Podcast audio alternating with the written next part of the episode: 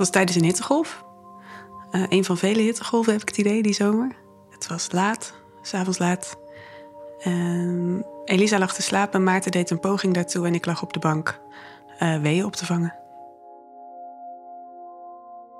Drie jaar eerder bij de bevalling van de eerste had ik uh, de evolutie staan voor vloeken, omdat het na al die jaren nog steeds zo'n slecht systeem was, zo'n bevalling. En nu wist ik dat al. Dus die, die, die shock en die woede die waren afwezig. Mm Dus dan wat overbleef was, uh, was de pijn. Um, en weten wat er nog te gebeuren stond. Je beschrijft die scène in je boek. Um, en ik vond het heel erg indrukwekkend. Ik, ik ga een heel klein stukje voorlezen.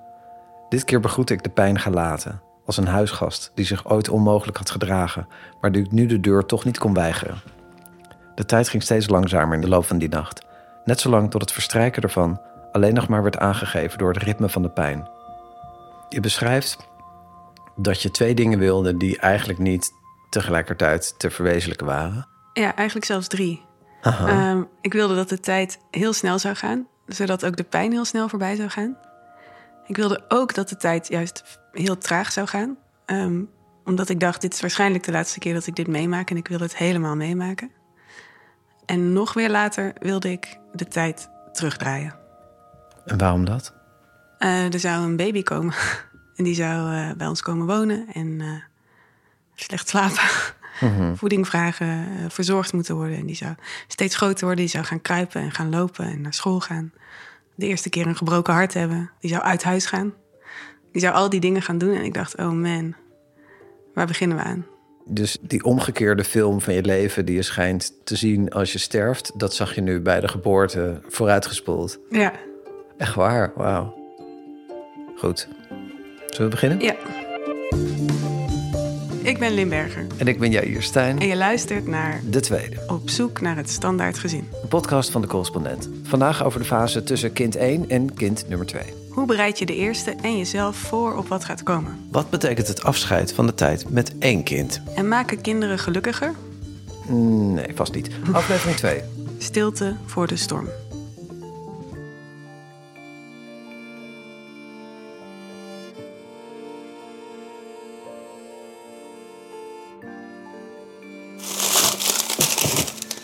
Gaat mama voor jou maken? Wat zijn dit? Zijn dat jouw lievelings? Ja, hè?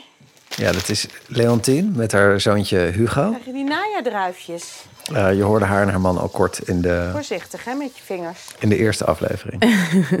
ja. Uh, nou, ik ben Leontien. Ik ben uh, moeder van Hugo. Die is twee.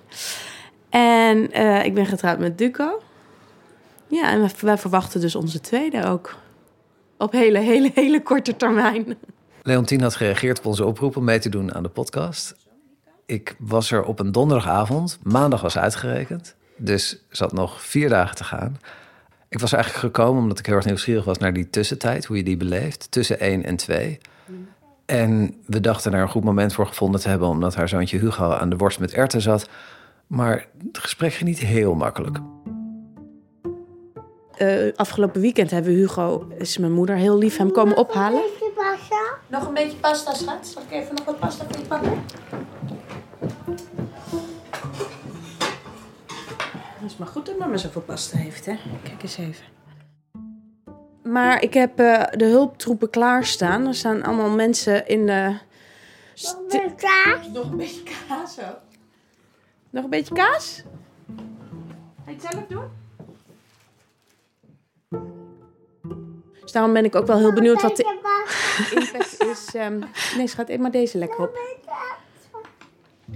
Ben je nog meer pasta? Ik heb zoveel honger. Ja. Zo. En dan is het klaar.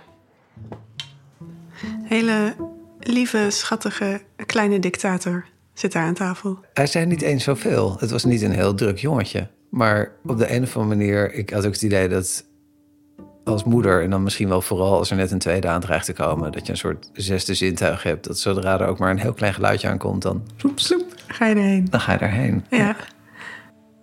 Er wordt echt veel geschreven over het moederschap, mhm. steeds meer ook. Vaderschap iets minder.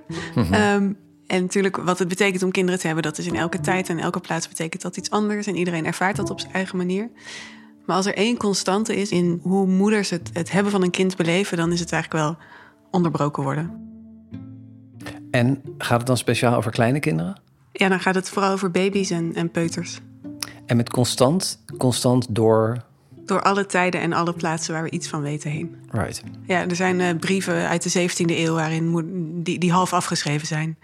Eh, want de schrijfster moest haar kind gaan, eh, gaan verzorgen. Wel geestig, want je zou denken dat eh, hoe langer je teruggaat in de tijd, dat die kinderen gewoon massaal genegeerd worden. Of dat de oudste dochter eh, eigenlijk als moeder ingeschakeld wordt. Maar de echte moeder blijft gewoon die versplinterde tijd eh, Ja. houden. Ook, ook toen al. Ja, ja. En zo- zo'n kind hakt de tijd in kleine stukjes. Ja, ja die, die constante onderbrekingen vielen op. Maar er was nog iets anders wat me opviel.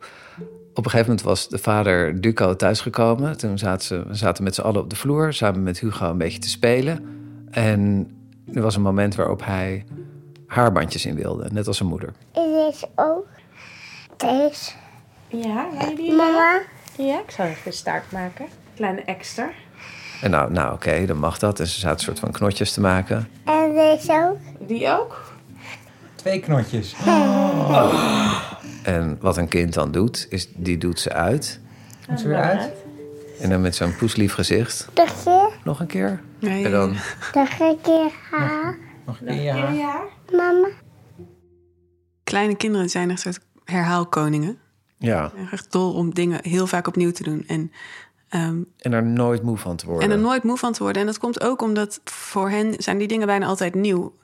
Dus ook als ze het opnieuw doen, dan zien ze... wat wij als hele kleine variaties zien, zijn voor hen heel groot. Het is ook een manier om te ontdekken hoe, hoe een glijbaan werkt bijvoorbeeld. Is er gewoon de hele tijd vanaf gaan.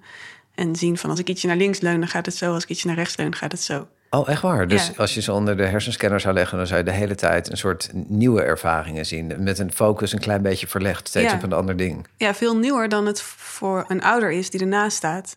Ik heb vandaag, eh, wat, wat was nou vanochtend? Wat ik wel honderd keer heb gedaan. Oh ja, een puzzel gemaakt. Honderd keer een zo'n grote vloerpuzzel. Alle beesten erin, alle beesten eruit. Het feest der herhaling. Ja, Maar het is- ik vind het wel mooi aan Leontien dat zij het dus niet eh, saai lijkt te vinden. nee. Ze gaat er gewoon helemaal in mee. Ja. Ja. ze zit echt in het moment. En dat kan omdat er maar één kind is dat honderd keer die armbandjes aan Ja. en uit wil. Zulke domme dingen als elastiekjes in de haren doen. Eh, dat gaat dadelijk allemaal niet meer. Want dadelijk is het gewoon de hele dag door managen. En nu is het eigenlijk best wel, als ik een hele dag met hem ben, dan hou ik daar rekening mee. Ik had eh, vanochtend eh, zat ik met hem nog even rustig. En dat ik echt dacht, dit is de laatste keer dat ik zo met hem met z'n tweeën rustig zit. Zonder dat ik met mijn hoofd, met mijn ene hersenhelft bij een tweede kind ben. Op de momenten dat ik dat heb met hem, ben ik me daar nu wel heel bewust van, ja.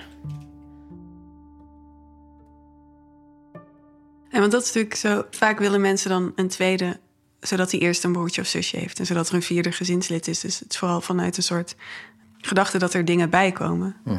En als je dan eenmaal die keuze hebt gemaakt en niet meer terug kan, dan valt vaak het kwartje dat er dus ook dingen voorbij gaan. Ja, Ehm, ja en wegvallen. Ja. Ja. Gabrielle en Lotte, niet hun echte namen... zijn beide zwanger van de tweede. Ja, ik denk wel volle aandacht voor één kind. Dat, dat ga ik misschien wel missen.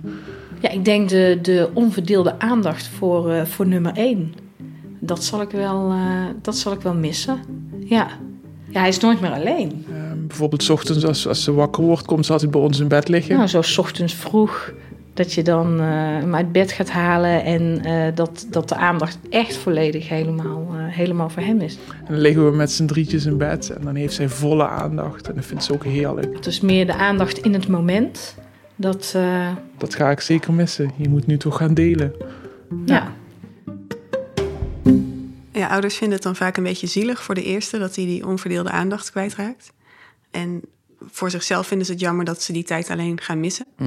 Maar dat die tweede überhaupt nooit die onverdeelde aandacht zal krijgen, daar hoor je toch veel minder over. Eh, Helemaal niemand zelfs. Nee. Je kan je blijkbaar toch gewoon alleen maar bezighouden met datgene wat, voor je neus, wat zich voor je neus bevindt. Ja, En niet heel veel verder kijken dan dat.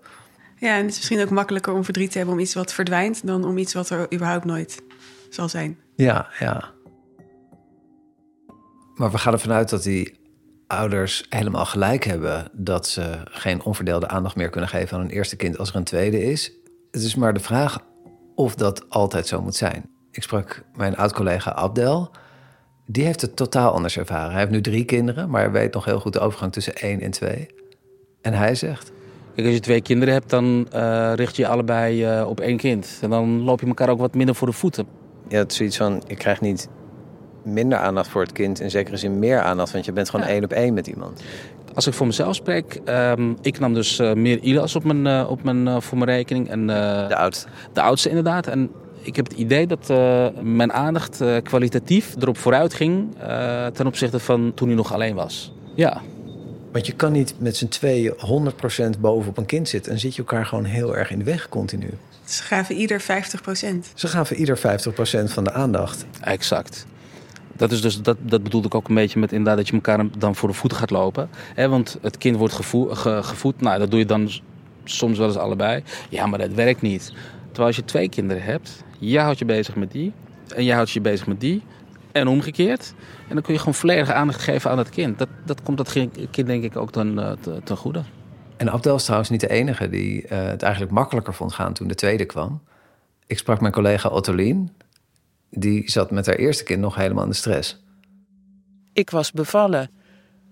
En eh, we mochten uit het ziekenhuis naar huis. En ja, mijn eerste gedachte was toch: gaat er niemand mee dan? Om nu te vertellen wat we moeten doen. Bij nummer twee was die stress gewoon helemaal weg. Dan kreeg ze borstvoeding en dan zat ik met haar op de bank en dan lag ze op een kussen op mijn schoot.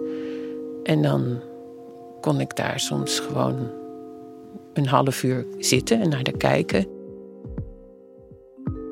Ze heeft hele mooie blauwe ogen en ehm, de dagen vlogen voorbij, zeg maar, met kijken naar mijn, eh, naar mijn nieuwe baby.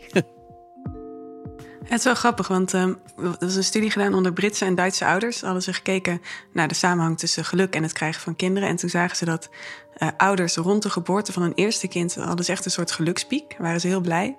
Ehm, en rond de geboorte van een tweede kind was die piek al gehalveerd. Dus eigenlijk precies het omgekeerde van wat Otteline beschrijft... gebeurde bij de meeste ouders. Gewoon de tweede keer een stuk minder uitgelaten en een stuk minder blij. Ja, ik moet zeggen, ik hoorde die hele blije verhalen ook wel meer over het eerste kind. Bijvoorbeeld van mijn vriendin Marijke, die ging helemaal stralen toen ze vertelde over de tijd dat ze nog met z'n drieën waren. Het is dan zondagochtend, die leuke wipper die staat dan op tafel. En eh, de zon schijnt eh, naar binnen en de krant ligt op tafel. Er staat een fijn muziekje op een langspeelplaat te spelen. En, en die baby die ligt heel gezellig erbij in die wipper. en, je, eet ontbijt. Ik weet het had iets, iets heel, eh, het was heel liefdevol. Het was heel sereen eigenlijk met z'n drietjes. Natuurlijk veel, veel werk, omdat het de eerste is en eh, alles is nieuw. Maar eh, eigenlijk heel behapbaar. En vanaf het moment dat een tweede komt, is het natuurlijk totale chaos. Ik weet bij mijn vrouw Jennifer dat hij de eerste keer echt totaal high leek. Alsof ze aan de ecstasy zat. Ja, die hormonen zijn ook een soort drugs natuurlijk. Ja, ja oxytocine is gewoon een goed spul, ja. En bij Ja. de tweede? Bij de tweede... De tweede keer was ik ook heel blij, maar het le- leven ging, denderde gewoon op een andere manier door, terwijl tijd gewoon stil stond bij de eerste. Ik was ontzettend blij, maar misschien, ja, ik had misschien niet hetzelfde, op dezelfde manier gewoon genoegen met alleen maar daar liggen kijken naar mijn kind. Niet even ontspannen. Maar goed, zo ging het bij ons. Maar over, terug naar die studies. Hoe komt dat dan dat ouders de, de tweede keer die, die piek missen? En dan ze hadden er een aantal verklaringen voor. Eentje is dat ehm, de tweede keer dat je iets doet... eigenlijk altijd net iets minder speciaal is dan de eerste keer. Ehm, en de meer praktische verklaring is dat ehm, ouders... wanneer ze een tweede krijgen, vaak al wat meer zorgen hebben. Mm, Over geld bijvoorbeeld, of over dat ene kind dat ze al hebben. En dat die zorgen de, de, de piek een beetje dempen. Eh, en wanneer ze een derde kind krijgen, dan is er überhaupt geen soort extra shot euforie meer om je door die eerste weken heen te, te loodsen. Ja, ik moet toch ook weer denken aan Abdel, die dus ook drie kinderen heeft. Vanaf het moment dat ze wakker zijn, ja, dan vraagt het eigenlijk veel meer energie van je dan je eigenlijk kan geven. Dat, dat, dat, dat gevoel heb ik. En dat, heeft, dat gevoel heeft mijn uh, vrouw ook. En het is een soort van, ja, ja, het is elke dag is het weer een, een, een avontuur, maar dan een, av een ongewis avontuur.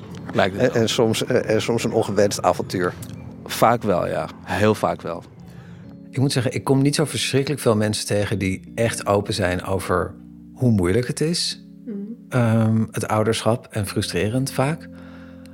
En Abdel leek gewoon heel erg blij te zijn om daar met mij open over te kunnen vertellen. En we hebben een soort van rampverhalen uitgewisseld. En hij, nou ja, waar we het heel erg over eens waren, was de soort van shock als je erachter komt hoe zwaar het is. Terwijl je de hele tijd, en ook dat gewoon blijvend als je kinderen hebt, al die mensen om je heen uh, verzamelt. Die allemaal zeggen hoe geweldig het is en prachtig en heerlijk. En ik merkte dat eigenlijk vanaf het moment dat ik vader werd, bijna negen jaar geleden.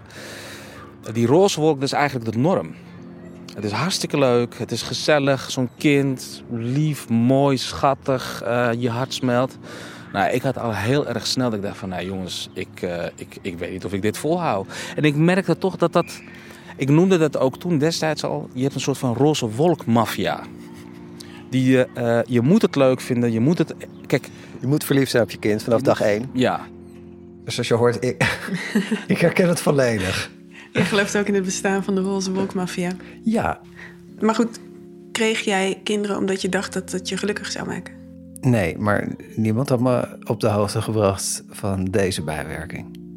Van hoe niet gelukkig ze je zouden maken? Ja, ik ben gek op mijn kinderen. Mijn oudste dochter Laila is een meisje wat met iedereen vrienden maakt. En mijn jongste is super creatief en nieuwsgierig naar alles. En ik heb heel erg veel plezier met ze. Maar er is ook een andere kant. En dat is dat er dagelijks zoveel ruzies zijn. Dat ik bijvoorbeeld vorig jaar voor het eerst een keer meemaakte toen ik in de keuken stond. Samen met Jennifer. En dat we ons realiseerden. We zijn al tien minuten met elkaar aan het spelen. En ze hebben nog geen ruzie gemaakt. Nou, dat is best. Extreem. Ja, dat is best extreem. Ja, ja dat is wel zwaar. Ja, en, en Abdel had dat ook. Die had vooraf geen idee uh, hoe extreem kinderen je leven kunnen beïnvloeden. Uh, dit had ik uh, tien jaar geleden niet zelf kunnen bedenken. Het, is, het, kost, het, het, het, ehm, het beperkt je eigenlijk in heel veel. Ja. Alles draait om hun.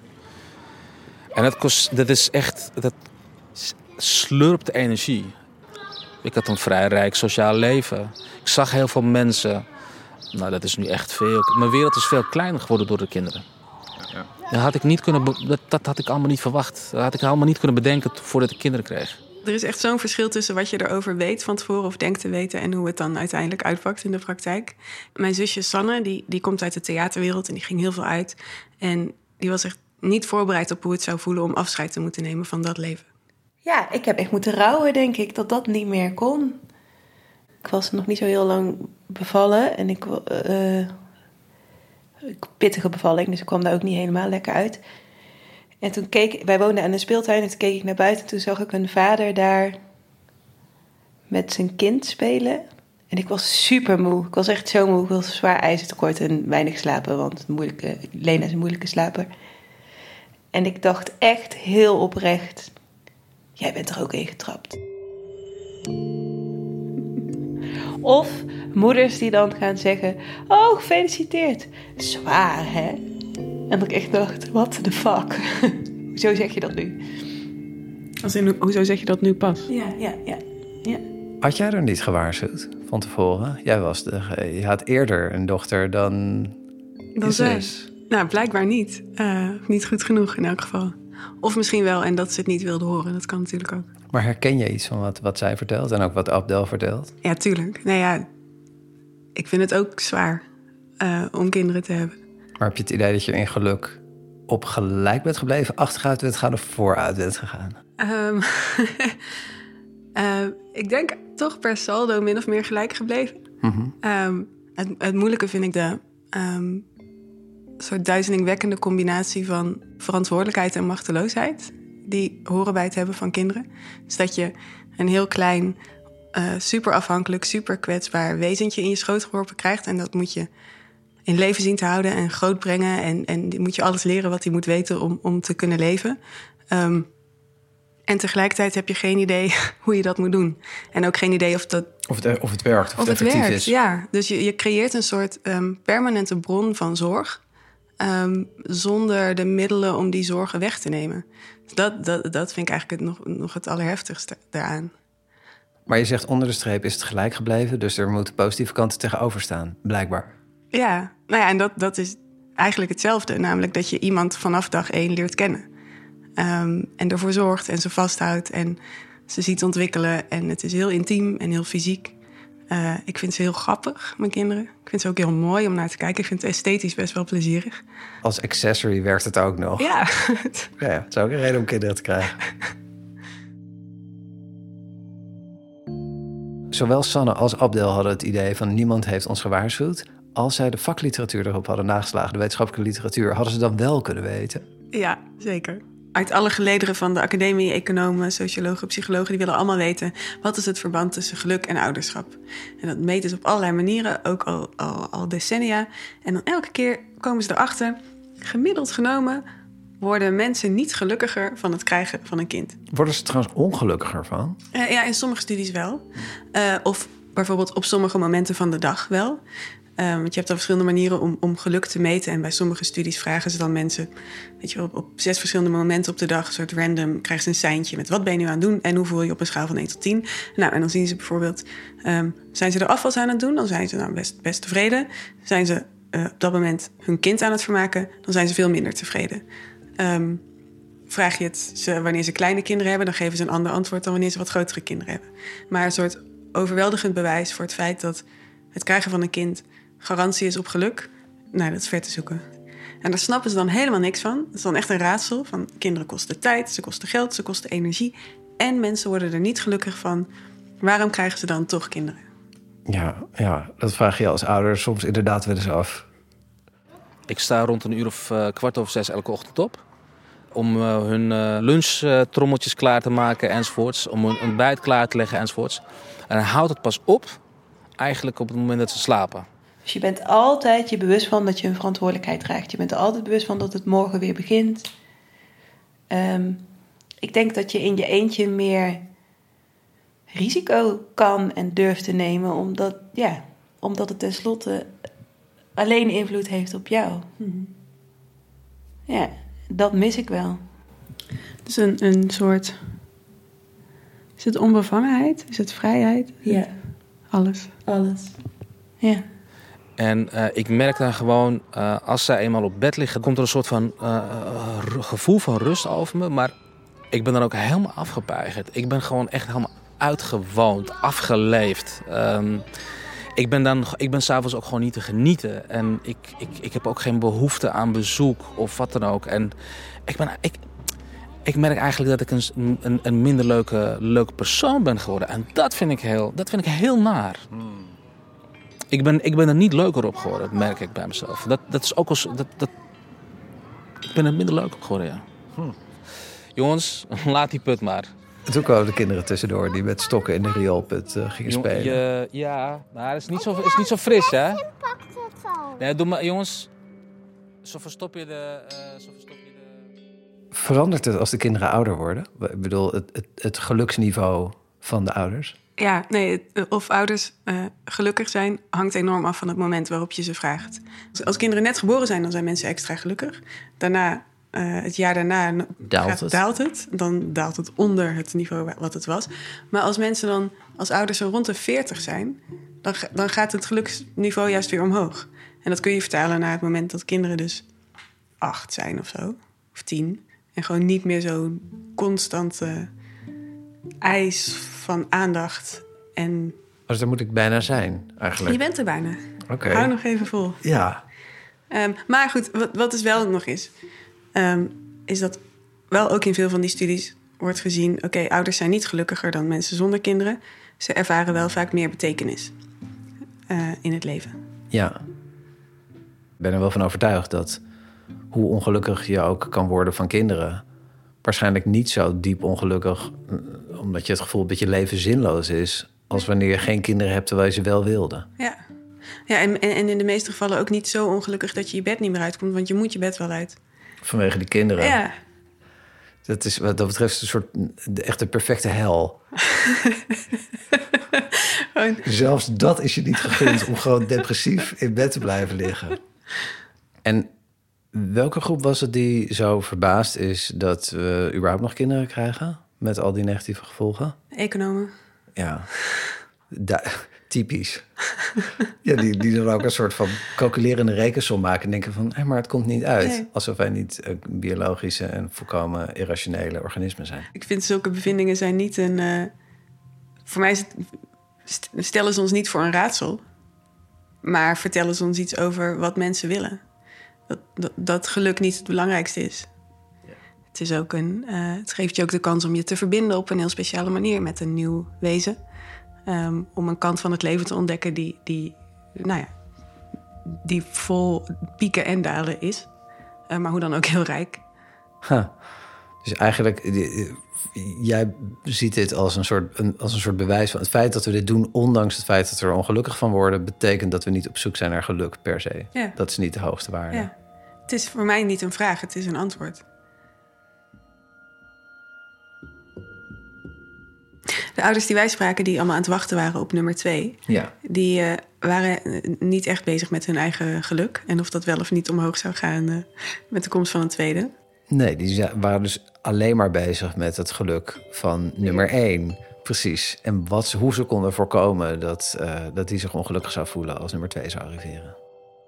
Hij roept ook nog wel naar mijn buik. Hè, baby, baby. Ja, baby, ja. En eh, boekjes eh, met hetzelfde thema. Nou ja, dat. Dit boek heet Saar wordt grote zus van Pauline Oud. Dan heb ik nog Kleine Huppel krijgt een zusje. Ik heb heel veel boekjes, heel veel verschillende boekjes voorgelezen. Beschuit met heel veel muisjes van Vivian den Hollander en Dagmar Stam. Ik heb hem laatst filmpjes laten zien van, ehm, van hemzelf toen hij klein was. Dat is mijn vriendin Gabrielle, die eh, hoogzwanger van een tweede eh, aan mij vertelde wat ze allemaal had gedaan om, om de landing voor de eerste zo zacht mogelijk te maken. En daar had ik hem vast. En toen, had hij, toen raakte hij even overstuur van, oh, wat is dit? En toen wilde hij graag dat ik het, eh, het filmpje afzette. Dus we zijn wel heel benieuwd hoe hij gaat reageren als er dadelijk echt een, eh, eh, ja, weer een jongetje bij komt. Maar dus hij zag een, een filmpje van jou met een baby, dat was hij zelf, maar dat begreep hij misschien niet helemaal. En toen, toen raakte hij overstuur. Ja, klopt. Ja, hij, nee, nee, baby hoeft niet. Mama niet baby tillen, zei hij. ja. Maar dat is niet het enige wat ze heeft gedaan? Ja, ik laat hem mee dingetjes uitzoeken en benoem dan van nou, dit is voor de baby. Nou, inmiddels heeft hij het, de knuffel van de baby al geconfiskeerd en ergens neergelegd. We kunnen hem niet meer terugvinden. heeft hij uit het wiegje geplukt. Zo van nou, daar ben ik het niet helemaal mee eens. Eh, die vind ik zelf heel mooi. Ik heb trouwens al die dingen ook gedaan. Ja? Boekjes gelezen, mee naar de echo, foto's laten zien. Eh, de baby had een cadeautje al gekocht voor zijn grote zus. Een soort, soort vredesoffer dat hij dan zou geven als hij geboren was. Ehm, Trapt ze erin eh, ja, ze was best blij met die pop. Ja, nee, ze geloofde er wel in, geloof ik. dat dit van de baby was. Ja, maar ze vond hem ook, ook totaal niet interessant. Ze vond die baby veel interessanter. Ja, nou, dat hadden wij ook wel in vrij extreme zin. Eh, Jennifer die was enorm trots op hoe zij eh Laila aan het voorbereiden was. Ze had een hele keur aan Zweedse boekjes. Waarin meestal de ouders soort van weggesneden waren. Ik zag natuurlijk altijd wat er buiten de frame was. Dus ik zag wel, ik voelde die aanwezigheid van die ouders, maar misschien voelde Laila dat niet. En ze had het gevoel dat ze daar gewoon een helemaal verkeerde conclusie uiteindelijk uitgetrokken heeft. Namelijk, ik krijg een baby. Dat zag ze heel letterlijk. Ik krijg een zusje, net als een soort babyborn, een soort levend pop. Ik krijg een zusje en die is van mij. Ja, en die, en die is van mij. Dus eerst dacht ik, oh, ze is jaloers. Maar ik ontdekte op een gegeven moment, nee, ze is niet jaloers op die manier. Ze is op een heel andere manier jaloers. Zij wil ook zo'n baby hebben van haarzelf, net als ik. Ze was jaloers op mij, niet op haar zusje. Wat heerlijk. Ja, nou was het maar waar. Want het was wel lastig, want ze heeft dus uiteindelijk hebben we een... We hebben een pop aan haar, nou, net als eh, Oscar, die eh, zijn grote zus een, eh, een cadeau heeft gedaan... hadden wij ook een pop voor Laila. Die je op de buik kon drukken en dan kon ze dingen zeggen, huilen, lachen. En dus wij kregen een baby en zij kreeg ook een baby. Maar zij vond die baby waardeloos, want die was niet echt. En toen werd ze wakker en ze... Ik heb een goed plan, dacht ze, denk ik. En ze stelde voor dat wij zouden ruilen. ja. Van, hé, hey, jullie krijgen die pop van mij en ik krijg die baby. Nou, en woedend was ze toen dat niet doorging. Al die wanhoopspogingen om de eerste tevreden te houden, die dus ook hopeloos mislukken af en toe. Zit er nou iets van een wetenschappelijke onderbouwing onder? Of is dit gewoon een vorm van bijgeloof? Nee, het is niet alleen maar bijgeloof. Want er zijn wel een paar studies gedaan... waar hebben ze dan in meerdere gezinnen gekeken naar... wat gebeurt er met die eerste als er een tweede komt. Um, en, en, en soms dan reageert die eerste jaloers. En soms dan reageert hij soort van ongeïnteresseerd... en soms best wel blij. Um, en dan kijken ze ook van wat doen die ouders dan? En heeft dat een voorspelbaar effect? En dan zien ze op zich wel dat als ouders gewoon... voordat die tweede komt met hun eerste praten over het feit dat die tweede komt, dat de kans dan groter is dat, het, dat, dat de eerste er soort min of meer redelijk op reageert. Um, en ja, de manier waar, waarop je er dan over praat, dat kan natuurlijk uiteenlopen van boekjes voorlezen tot mee naar de echo en al die dingen. Um, maar, maar de essentie is gewoon dat er niet ineens een baby moet zijn, maar dat iemand enigszins op voorbereid moet zijn. Oké, okay. oh, dus, dat, dus dat, is, uh, dat is wel degelijk belangrijk. Ja, alleen ik denk dat, dat nou, moeders bijvoorbeeld zoals ik en ook wel uh, die we net hebben gehoord, die gaan dan alle mogelijke manieren om daarover te praten toepassen. Um, en dat is waarschijnlijk niet eens per se nodig. Um, ik heb een poosje terug mijn moeder gevraagd om te vertellen over hoe zij die tussentijd beleefd heeft. En ze vertelde dat ze, net als al die andere moeders, bezig was met wat het voor mij zou betekenen, maar toch ook wel met haar eigen gevoel. Toevallig hield ik gewoon zoveel van jou. Dus het zou wel heel gek zijn als een, als een heel ander persoon, als ik dat daar hetzelfde voor zou kunnen voelen. Dat uh, kon ik me gewoon niet voorstellen. Ja, dus ik had al medelijden met de tweede voordat hij geboren was. Minder geliefd zou zijn. Ja, ja zielig toch? Ik ben nu 35 en ik heb dit verhaal vaker gehoord. En het doet me nog steeds kinderachtig veel plezier om dat te horen. Oh, echt waar? dat, nee, ja, dat iemand ooit zoveel van mij hield dat ze dacht dat ze niet evenveel van een ander kind zou kunnen houden. Nou, dat is ook wel heel erg mooi. Het, op het moment dat, uh, dat ik uh, Sanne in mijn armen kreeg, was het eigenlijk meteen al, uh, was ik meteen al verkocht. Dus... Hm. Het bleek dat liefde niet eindig is. Ja, en dat vind ik wel heel mooi. Dat, er zo, dat het zo werkt. Dat het niet zo is, ja, nu, nu heb ik het niet meer. Nee, er is liefde in overvloed.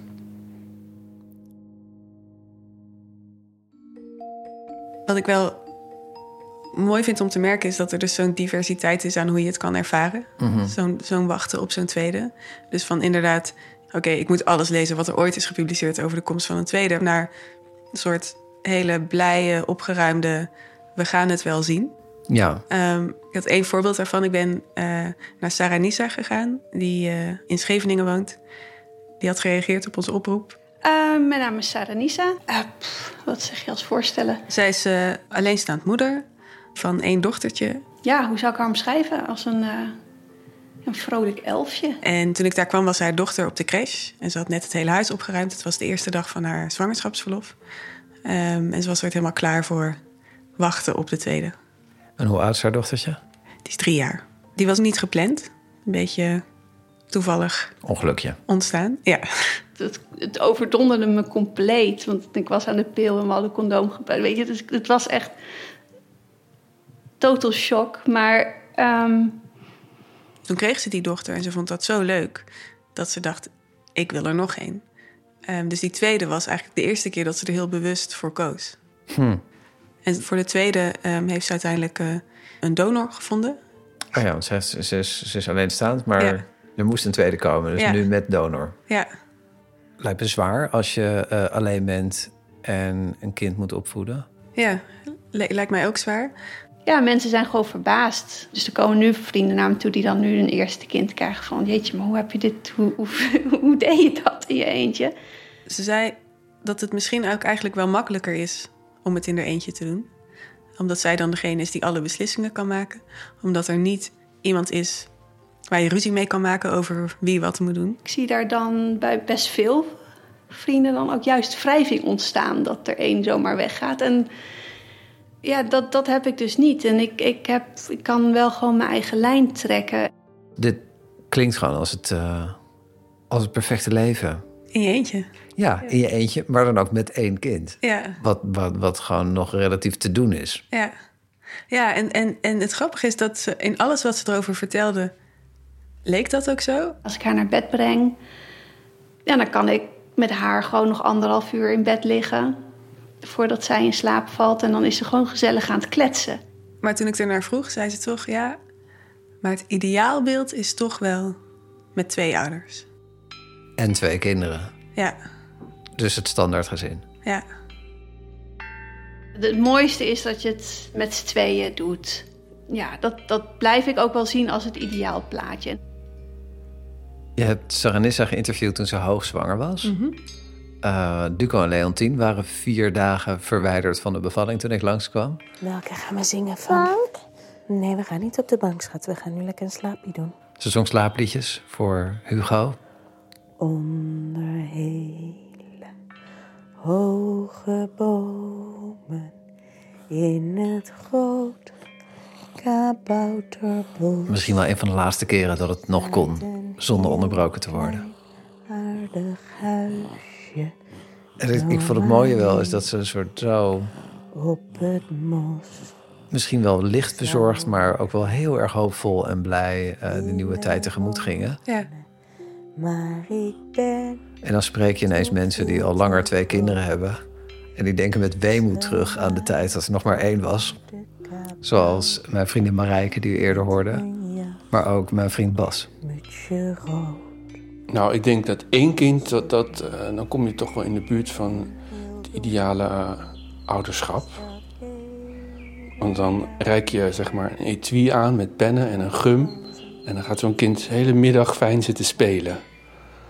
En dan zeg je af en toe tussendoor, wil je nog wat warme chocolademelk?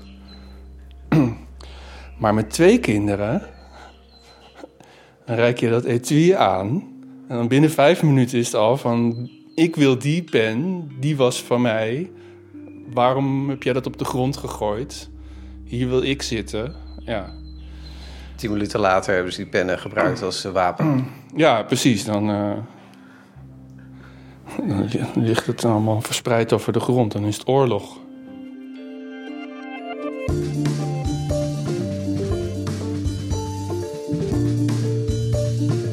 Volgende week. Oorlog. Oorlog. Dit was de tweede Op zoek naar het standaardgezin, een podcast van De Correspondent. Redactie Lisa Roggeveen, techniek Jacco Prantel, eindredactie Andreas Jonkers. Reacties en eigen ervaringen zijn welkom op www.decorrespondent.nl. En als je op iTunes een recensie achterlaat, dan weten mensen ons te vinden. Dankjewel voor het luisteren. Tot volgende week. Doei!